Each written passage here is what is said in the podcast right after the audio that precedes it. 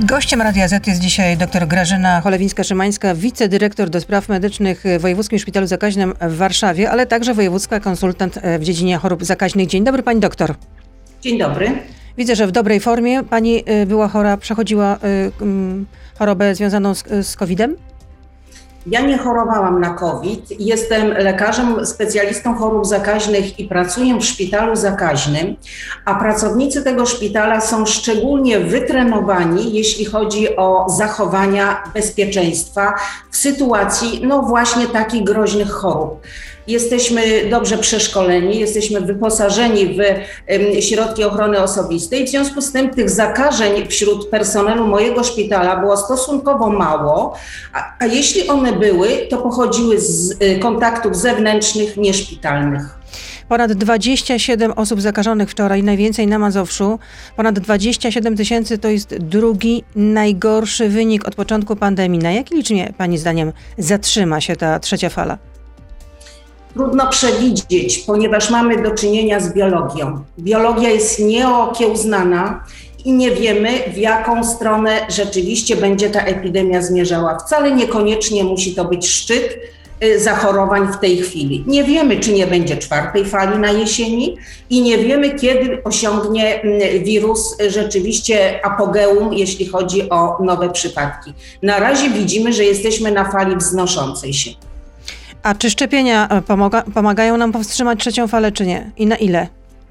Ja bardzo nieśmiało mogę postawić tezę, że chyba już widać efekt wyszczepienia najstarszej grupy seniorów, bo wśród y, teraz nowo przyjmowanych pacjentów do szpitala jest stosunkowo mały odsetek tych 90-80-latków. Ich już tutaj nie ma. Oni są zaszczepieni mm, w styczniu, na początku lutego. W związku z tym y, sądzę, że to jest grupa, którą w tej, która się obroniła w tej chwili przed mm, tą trzecią falą. W szpitalach leżą w tej chwili 30-40-latki, czyli ludzie mobilni, ludzie aktywni społecznie, ludzie, którzy się spotykają, jeżdżą w różne miejsca i tak dalej i tak tym sposobem narażają się na zakażenie. Trzeba dodać, że stan kliniczny tych ludzi młodych jest tak samo ciężki, jak był tych 90-latków. Absolutnie oni chorują równie ciężko, tak samo wymagają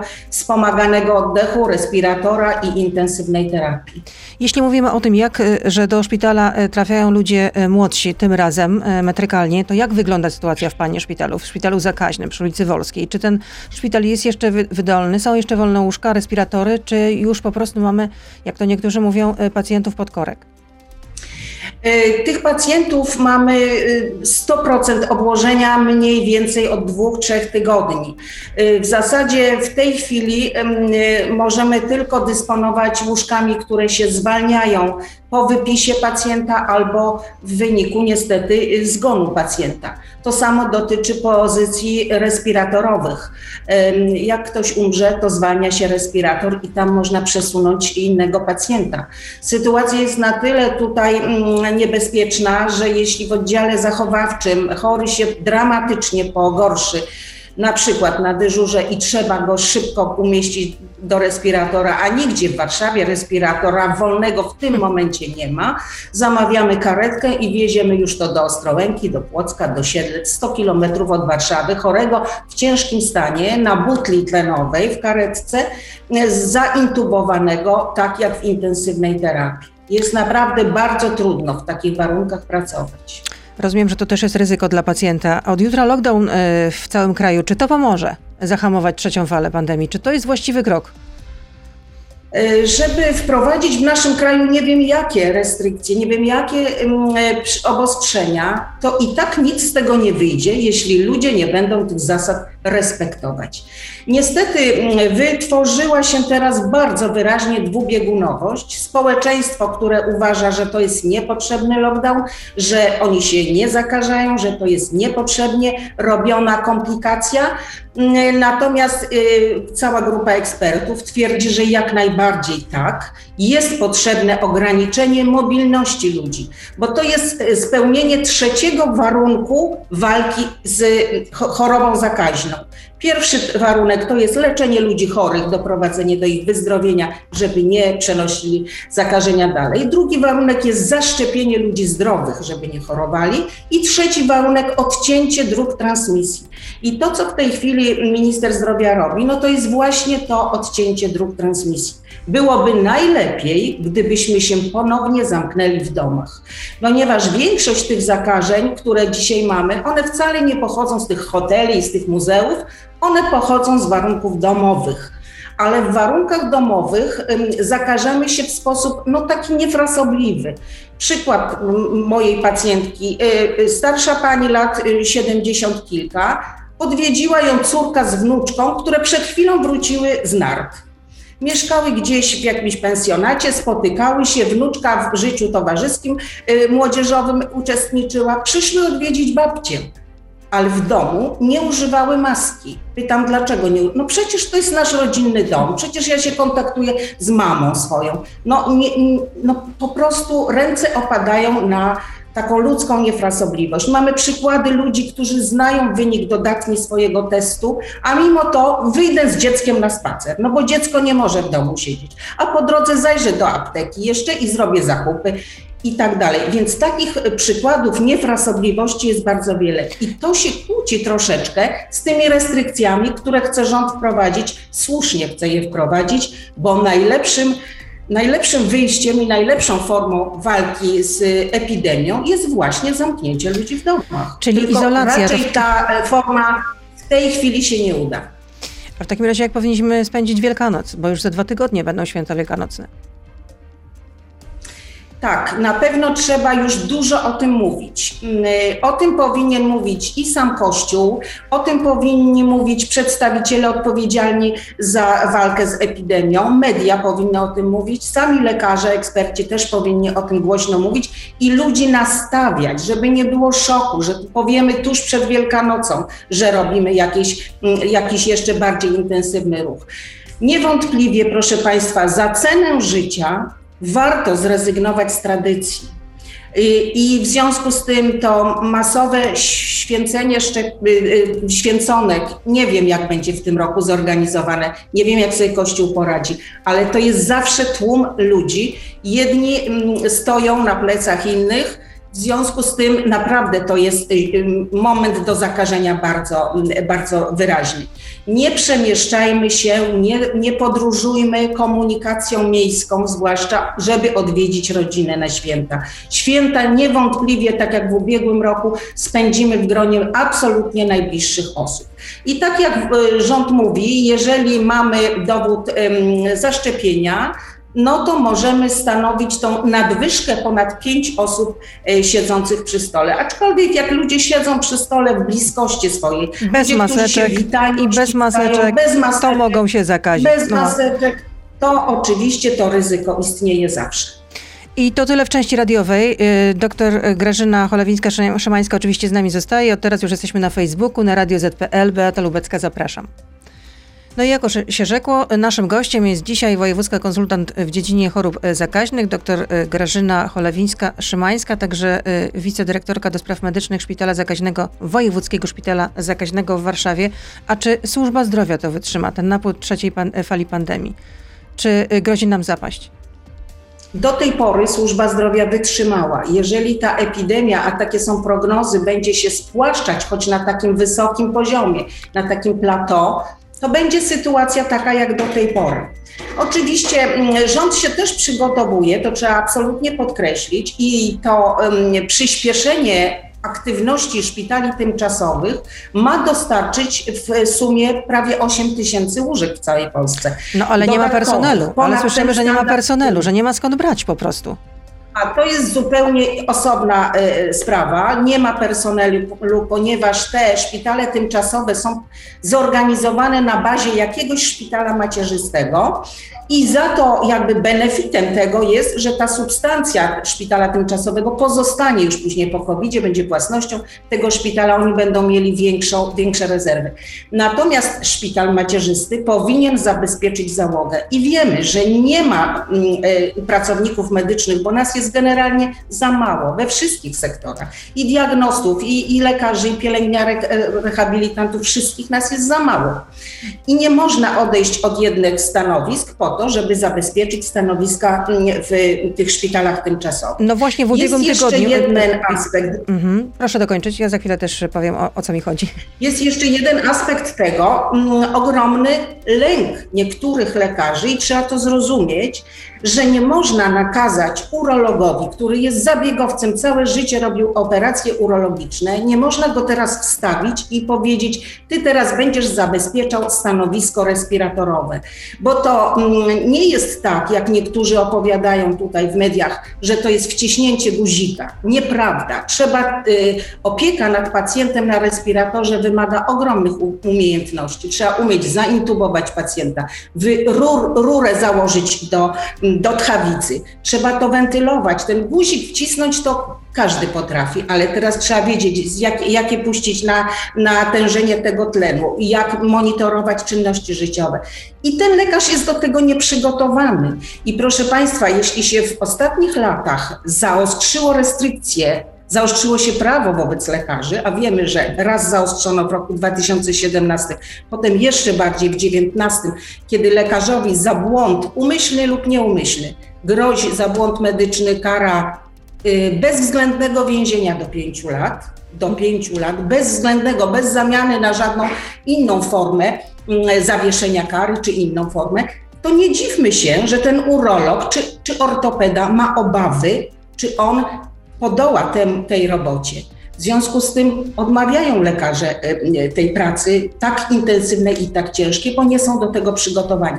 To jest też pokłosie mm, e, nieprawidłowego kształcenia kadr medycznych w ubiegłych latach. Gdyby takie szkolenia się odbywały, obowiązkowe, gdyby do każdej specjalizacji przypisać taki moduł o zachowaniach się właśnie podczas epidemii, podczas groźnych sytuacji, to nie tylko tej, tej dzisiejszej epidemii COVID e, dotyczy, ale sytuacji, jak będzie będzie ogromna powódź masowa, jak będzie pożar, taki jak w Australii był w ostatnim roku. Tutaj służba zdrowia jest kompletnie na to nieprzygotowana i nie, niewyszkolona w tej dziedzinie. No to w takim razie y, powinny zostać wprowadzone y, daleko idące jednak zmiany, y, jeśli chodzi o program nauczania medyków.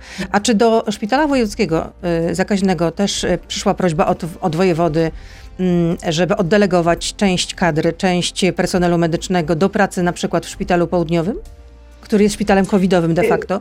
Wojewoda od dłuższego czasu zwraca się z prośbą. To nie jest nakaz, nie jest rozkaz. On się zwraca z prośbą do zarządzających szpitalami, żeby przejrzeli swoje kadry i jeżeli widzą gdzieś jakieś rezerwy, to oddelego, żeby zgłosili do wojewody te mm, nazwiska i te rezerwy. No niestety, tak jak powiedziałam, y, wszystkich nas jest za mało we wszystkich y, jednostkach ochrony zdrowia i też nie można powiedzieć, że kardiolog nagle zejdzie ze stanowiska intensywnej terapii kardiologicznej i pójdzie na stadion, czy pójdzie gdzieś do szpitala tymczasowego. Jest to niezmiernie trudna decyzja. Na razie jeszcze do wczoraj wojewoda nie, mm, choć ma takie prawo na mm, podstawie ustawy covidowej, nie wykonuje nakazów e, pracy, oddelegowania do tej pracy, aczkolwiek, tak jak mówię, takie prawo posiada. Na razie prosi, ale z tego proszenia do wczoraj jeszcze niewiele wynikło. No, był w tym programie wojewoda mazowiecki, czyli e, Konstanty Radziwił, były minister zdrowia i mówił, że e, nakazy już są wręczane e, medykom i że te nakazy wręcza policja. I jeszcze wojewoda skarżył się, że zwrócił się do wszystkich szpitali warszawskich i do prezydenta miasta, żeby każdy ze szpitali oddał, mówiąc tak kolokwialnie, po pięciu lekarzy i dziesięć pielęgniarek do szpitala południowego. No i co się okazało, że odpowiedziało właściwie, y, odpowiedział chyba tylko jeden szpital. Na szpitale odpowiedziały, tak, i to znikomą. Propozycja, propozycja tylko oddelegowania padła dwóch pielęgniarek z jednego szpitala. Dwóch tak. pielęgniarek.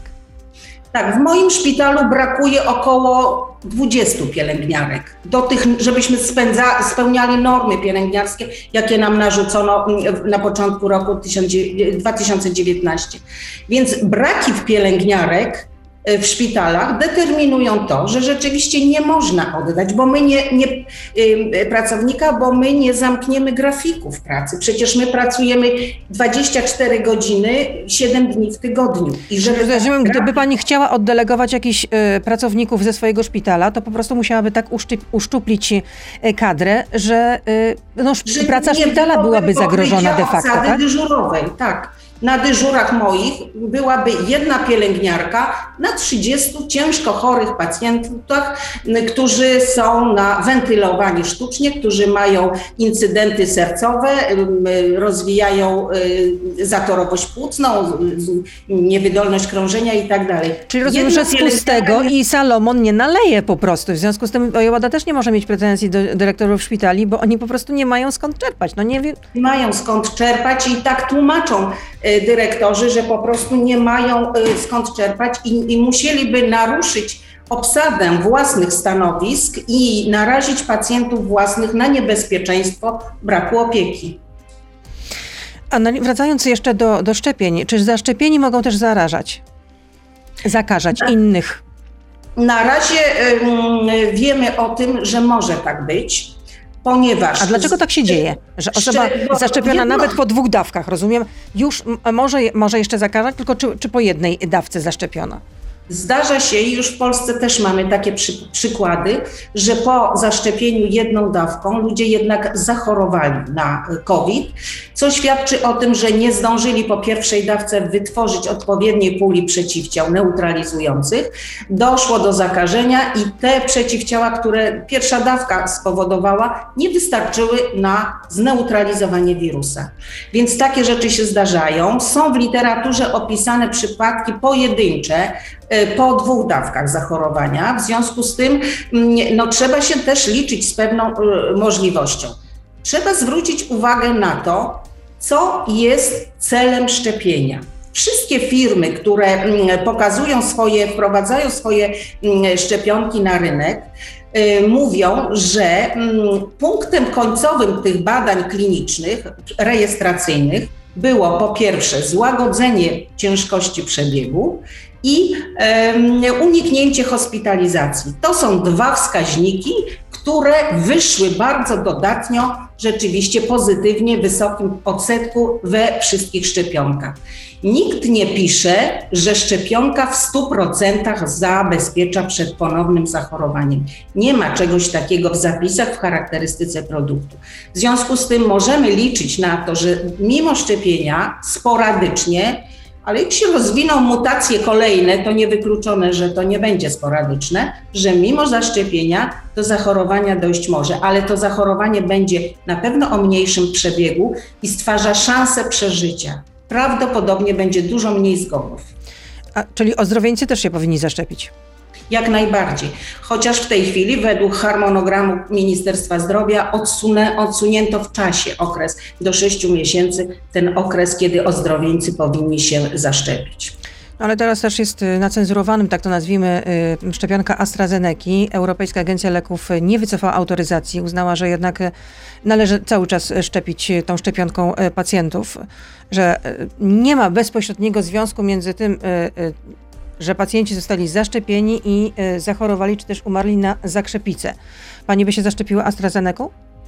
Ja bym się zaszczepiła, gdybym miała taką mm, propozycję, e, bo wiem, że tak nic nowego nie powiem, e, poza tym, co mówią inni eksperci, że korzyści z tego wynikające, że nie zachoruję albo zachoruję łagodnie, są dla mnie przekonujące niż niezaszczepienie się w ogóle.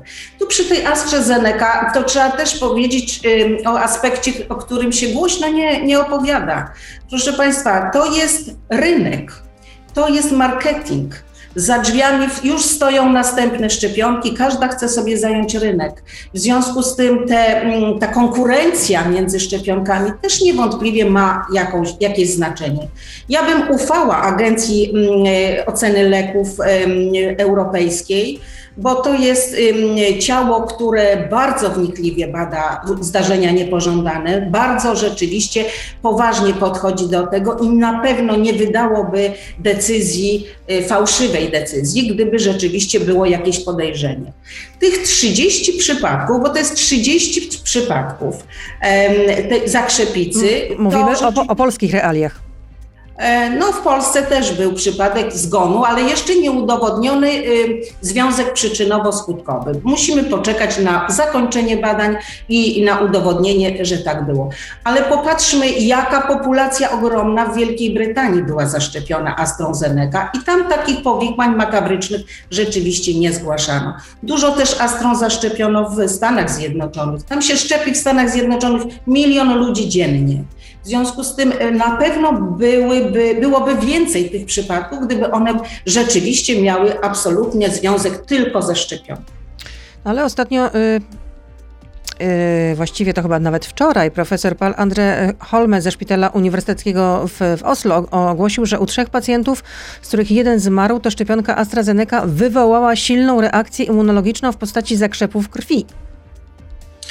E, no, tego akurat określenia nie bardzo rozumiem, bo trzeba bardzo doprecyzować, co to jest. Czy to jest zespół wykrzepiania wewnątrznaczyniowego, czy, czy to jest rzeczywiście zatorowość płucna. E, trudno powiedzieć, ale musimy sobie też uświadomić, że jest mnóstwo ludzi na świecie, którzy mają zaburzenia krzepliwości, jest mnóstwo ludzi, którzy biorą leki przeciwkrzepliwe, biorą je regularnie lub nieregularnie z jakichś powodów. Jest, są ludzie, którzy mają zwiększoną gotowość do wykrzepiania. Ludzie otyli, ludzie z cukrzycą, z niewydolnością krążenia, z migotaniem przedsionków. To jest mnóstwo takich chorób, które kojarzą, kojarzą się z właśnie zwiększoną taką gotowością do wykrzepiania, i w związku z tym udary mózgowe i, i za, zawały serca, zawały płuc, zatory żył głębokich i powierzchownych, to właściwie u ludzi jest powszechna historia. I z tych badań, które znamy od AstraZeneca, to tych zdarzeń, incydentów zakrzepowych u ludzi zaszczepionych AstraZeneką jest porównywalnie z procentem incydentów w populacji nieszczepionej ogólnej.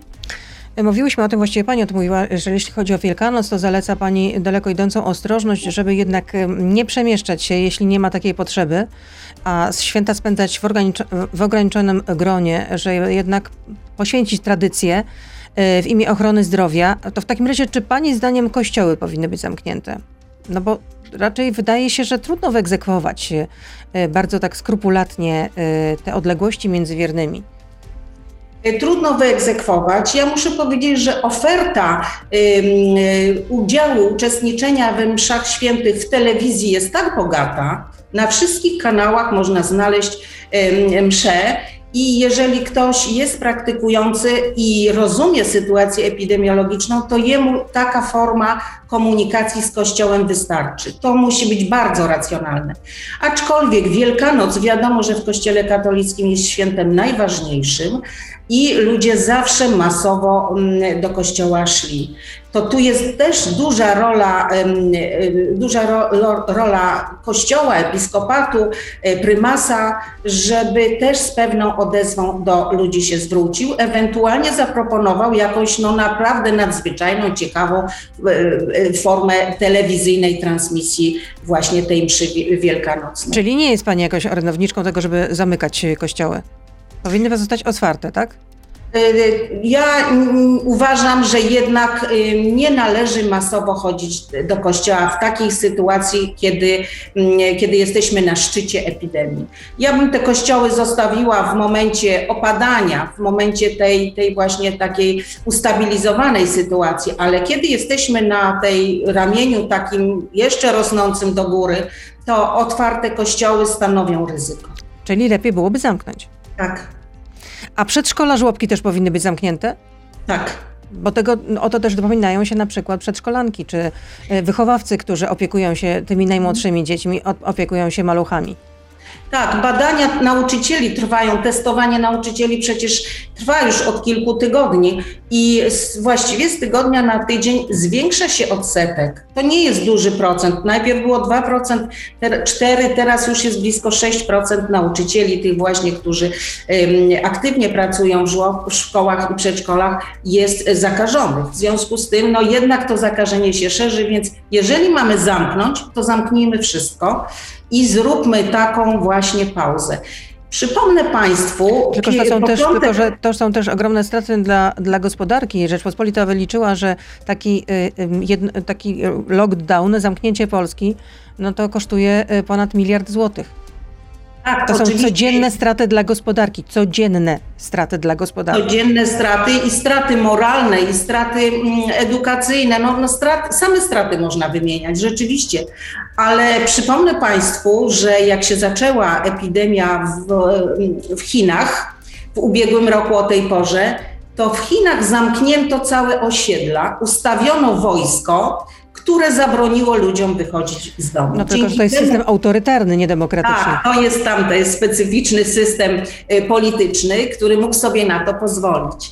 E, ale oni wtedy na wiosnę opanowali rzeczywiście taką metodą, jak ograniczyli mobilność ludzi, opanowali mm, e, falę wiosenną epidemii. Ja wiem, że się w Polsce czegoś takiego po raz drugi nie da rady zrobić.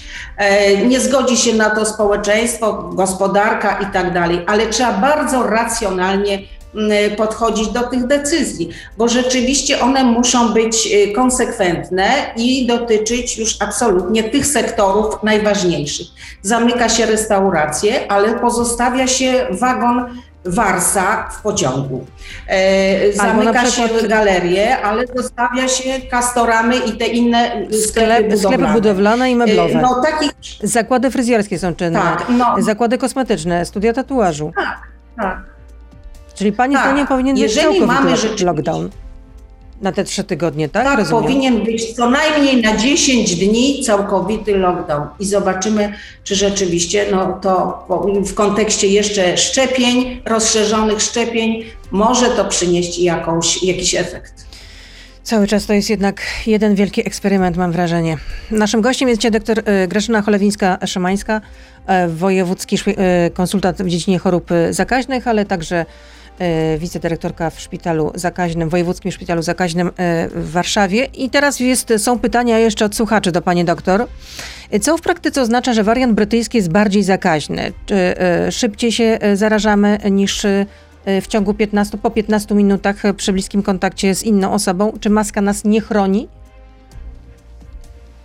E, ten wariant brytyjski ma taką cechę charakterystyczną, że zmienia białko, e, które jest e, białko kolca wirusa, które jest odpowiedzialne za przyklejanie się do komórki.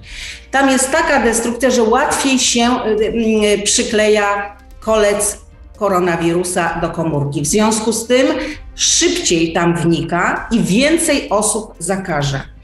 Y, posługujemy się tym wskaźnikiem mm, reprodukcji, y, który mówi, ile osób z otoczenia może za, zakazić jeden, jeden człowiek. O ile w poprzednich wariantach mieliśmy w tym oryginalnym wariancie pierwotnym, jeden człowiek zakażał jednego człowieka i ten wskaźnik wynosił jeden, o tyle teraz wynosi 1,5. Czyli każdy zakażony człowiek z wariantem zakazi y, półtorej osoby z otoczenia swojego. Jest on niewątpliwie bardziej zakaźny. Jest to wariant, który wywołuje cięższy przebieg kliniczny, który powoduje więcej powikłań. Być może ma większe powinowactwo właśnie do młodszych grup wiekowych, co widzimy w tej chwili. I niewątpliwie no, jest troszeczkę ogólnie gorszy niż ten wariant oryginalny, prototyp. A maseczka nas chroni, czy nie? Maseczka chroni, tak. W... O ile jest dobrze założona i dobrze noszona. No tak, bo na ulicach Bo droga widać. zakażenia jest ta sama, droga oddechowa. No bo na ulicach też widać e, wiele osób, które noszą maseczkę w sposób albo mają e, odsłonięty nos, albo wręcz pod brodą na przykład. No widać jednak taką, nie mówię, tak. że u wszystkich, bo jednak widzę też bardzo dużo ludzi, którzy noszą maseczki, ale widać też osoby, które, dla których ta maseczka to jest no, uciąży, bardzo uciążliwe, tak można powiedzieć. Dane publiczne pytają. Wciąż ogromnym mankamentem jest niemycie rąk Proszę Państwa, zwracam na to uwagę. Maskę, nawet nosimy już tę maskę, ale myjemy ręce trzy razy dziennie. Nie wolno tak robić. Wszędzie ja są myję chyba z 20 parę razy dziennie. W domu myję no nie wiem, co raz na godzinę. No świetnie, no właśnie tak trzeba. W różnych miejscach newralgicznych są rozstawione dystrybutory z y, płynami y, dezynfekującymi, ale nie każdy z nich korzysta. Ludzie przechodzą, w ogóle nie zauważają tego pojemnika, przechodzą, nie zwracają na to uwagi. Y, jeszcze sprzed y, pandemii y, wyniki były robione na temat mycia rąk po wyjściu z toalety w Polsce. 65% mężczyzn nie myje rąk po wyjściu z toalety i 35% kobiet. To jest, są dane statystyczne sprzed epidemii. Pomyślcie sobie Państwo, jak to się przekłada w tej chwili na, na, na te przenoszenie, transmisję wirusa kiedy wiemy, wiemy, że dłonie to jest ten newralgiczna mm, część ciała, na których wirus siedzi i się przenosi. Dane publiczne pytają, jaki procent osób, które przechorowały COVID potrzebuje w związku z powikłaniami pomocy specjalistów w pulmonologii, kardiologii w kolejnych miesiącach? Jaka będzie skala osób potrzebujących leczenia powikłań rok po pandemii? Ja myślę, że na ten temat zaraz zaczną się masowo konferencje naukowe, ponieważ widzimy wyraźnie, że choroba nie kończy się wraz z wyjściem ze szpitala i ustąpieniem objawów. E, choroba trwa dalej i skutki swoje wielonarządowe prawdopodobnie będzie pokazywała jeszcze przez długi czas. Jest naprawdę coraz więcej doniesień w literaturze właśnie na temat trwałego uszkodzenia układu oddechowego. Bo przecież zejściem tego zapalenia płuc covidowego jest włóknienie płuc, czyli człowiek jest niesprawny oddechowo. Trzeba zorganizować rehabilitację oddechową. Ludzie mają e, takie zaburzenia sfery neuropoznawczej. Ludzie nie mogą wrócić, nie mogą się skoncentrować, nie mogą wrócić do swoich dawnych sprawności mentalnej. Y, często rozwijają się, jest niewątpliwie wysoki poziom lęku, napięcia, są depresje, są psychozy. W czasie tego niedotlenienia mózgu długotrwającego różne się skutki neurologiczne mogą przytrafić. Długo są niedotlenione mięśnie, prawda? W związku z tym ta wydolność układu ruchu też jest zaburzona. Y, do COVID-u jest przypisane mm, powikłanie kardiologiczne, przeróżne są i zawały serca w przebiegu tego zakażenia, i ostre incydenty wieńcowe, i zaburzenia rytmu, i migotania przedsionków, i wszystko. W związku z tym będzie potrzebna interdyscyplinarna opieka nad pacjentem po-covidowym przez wiele lat, bo my musimy pamiętać o tych skutkach, że one będą miały też implikację społeczną, zawodową, chociażby w grupie osób, którym płuca, wydolność płucna jest potrzebna. Pomyślmy o załodze samolotów, pomyślmy o górnikach, którzy zjeżdżają pod ziemię, o alpinistach, pomyślmy o sportowcach, którym spada wydolność i nie mogą wrócić do formy. Ci, którzy ciężko chorowali, mówią pół roku temu chorowałem, nie mogę wrócić do swojej poprzedniej formy. Już dziś trzeba planować kompleksową, interdyscyplinarną opiekę w ramach tak zwanej medycyny naprawczej. Będziemy naprawiać to, co się popsuło człowieka w wyniku tej pandemii. Czyli skutki społeczne będą daleko idące. Tak, i to przez wiele lat. E, Łukasz pyta, co się, w tej dzieje, co się w tej chwili dzieje z chorymi na boreliozę, AIDS, żółtaczkę inne choroby zakaźne, jeśli wszyscy lekarze, zwłaszcza e, zakaźnicy, zajmują się tylko koronawirusem? E, też bym chciała wiedzieć. Oczywiście, proszę Państwa, e, zajmujemy się, owszem, szpitalne oddziały się zajmują pacjentami covidowymi, ale funkcjonuje ambulatoryjna opieka. Przychodnie, poradnie specjalistyczne, one funkcjonują. Niektóre kliniki i oddziały nie w całości są e, poświęcone covidowi. Część jest wydzielona na hospitalizację i na opiekę nad pacjentami z innymi chorobami zakaźnymi. Ja mogę powiedzieć o swoim szpitalu, że tutaj realizujemy programy lekowe leczenia HCV, na przykład czy HBV, wirusa HIV. Y, to są y, sprawy, których nie można uciąć, nie można przerwać i, i, i, nie można pacjentowi mm, uniemożliwić tego typu leczenia, bo leczenie jest długotrwałe, ciągłe. Więc staramy się w ramach opieki ambulatoryjnej boreliozę czy te inne choroby właśnie leczyć, y, no nie w warunkach szpitalnych, tylko, tylko w przychodni. I Michał pyta, dane za 2020 rok o 70 tysięcy więcej zgonów niż w roku 2019, w tym tylko około 50% z powodu współistnienia COVID-19. Czy nie lepiej było działać jak zwykle, nawet narażając na większą e, liczbę zgonów z powodu COVID-19, ale uniknąć tych około 35 tysięcy zgonów z innych powodów? Proszę Państwa, to mm, szukanie jest winnego. E, dlaczego się tak stało? E, oczywiście w dużej mierze mm, to e, chaos w, ogólnie w ochronie zdrowia i właśnie mm, ograniczenie liczby łóżek na te inne choroby, ale również część winy jest po stronie pacjentów i my to widzimy w szpitalach, że pacjenci siedzą bardzo długo w domu, nie zgłaszają się nigdzie, ani do lekarza rodzinnego, e, bo się nie mogą dodzwonić albo się boją wyjść do przychodni. Siedzą tak długo jak mogą. Leki się skończą, kardiologiczne, czy na nadciśnienie, czy jakieś inne, no to jest przerwa w leczeniu, długa, wielotygodniowa czasami. Więc te zaniedbania są i po stronie ochrony zdrowia, i po stronie pacjenta, który też, no, któremu jest trudno w tej sytuacji i nie robi wysiłku, żeby jednak do swojego lekarza y, dojść.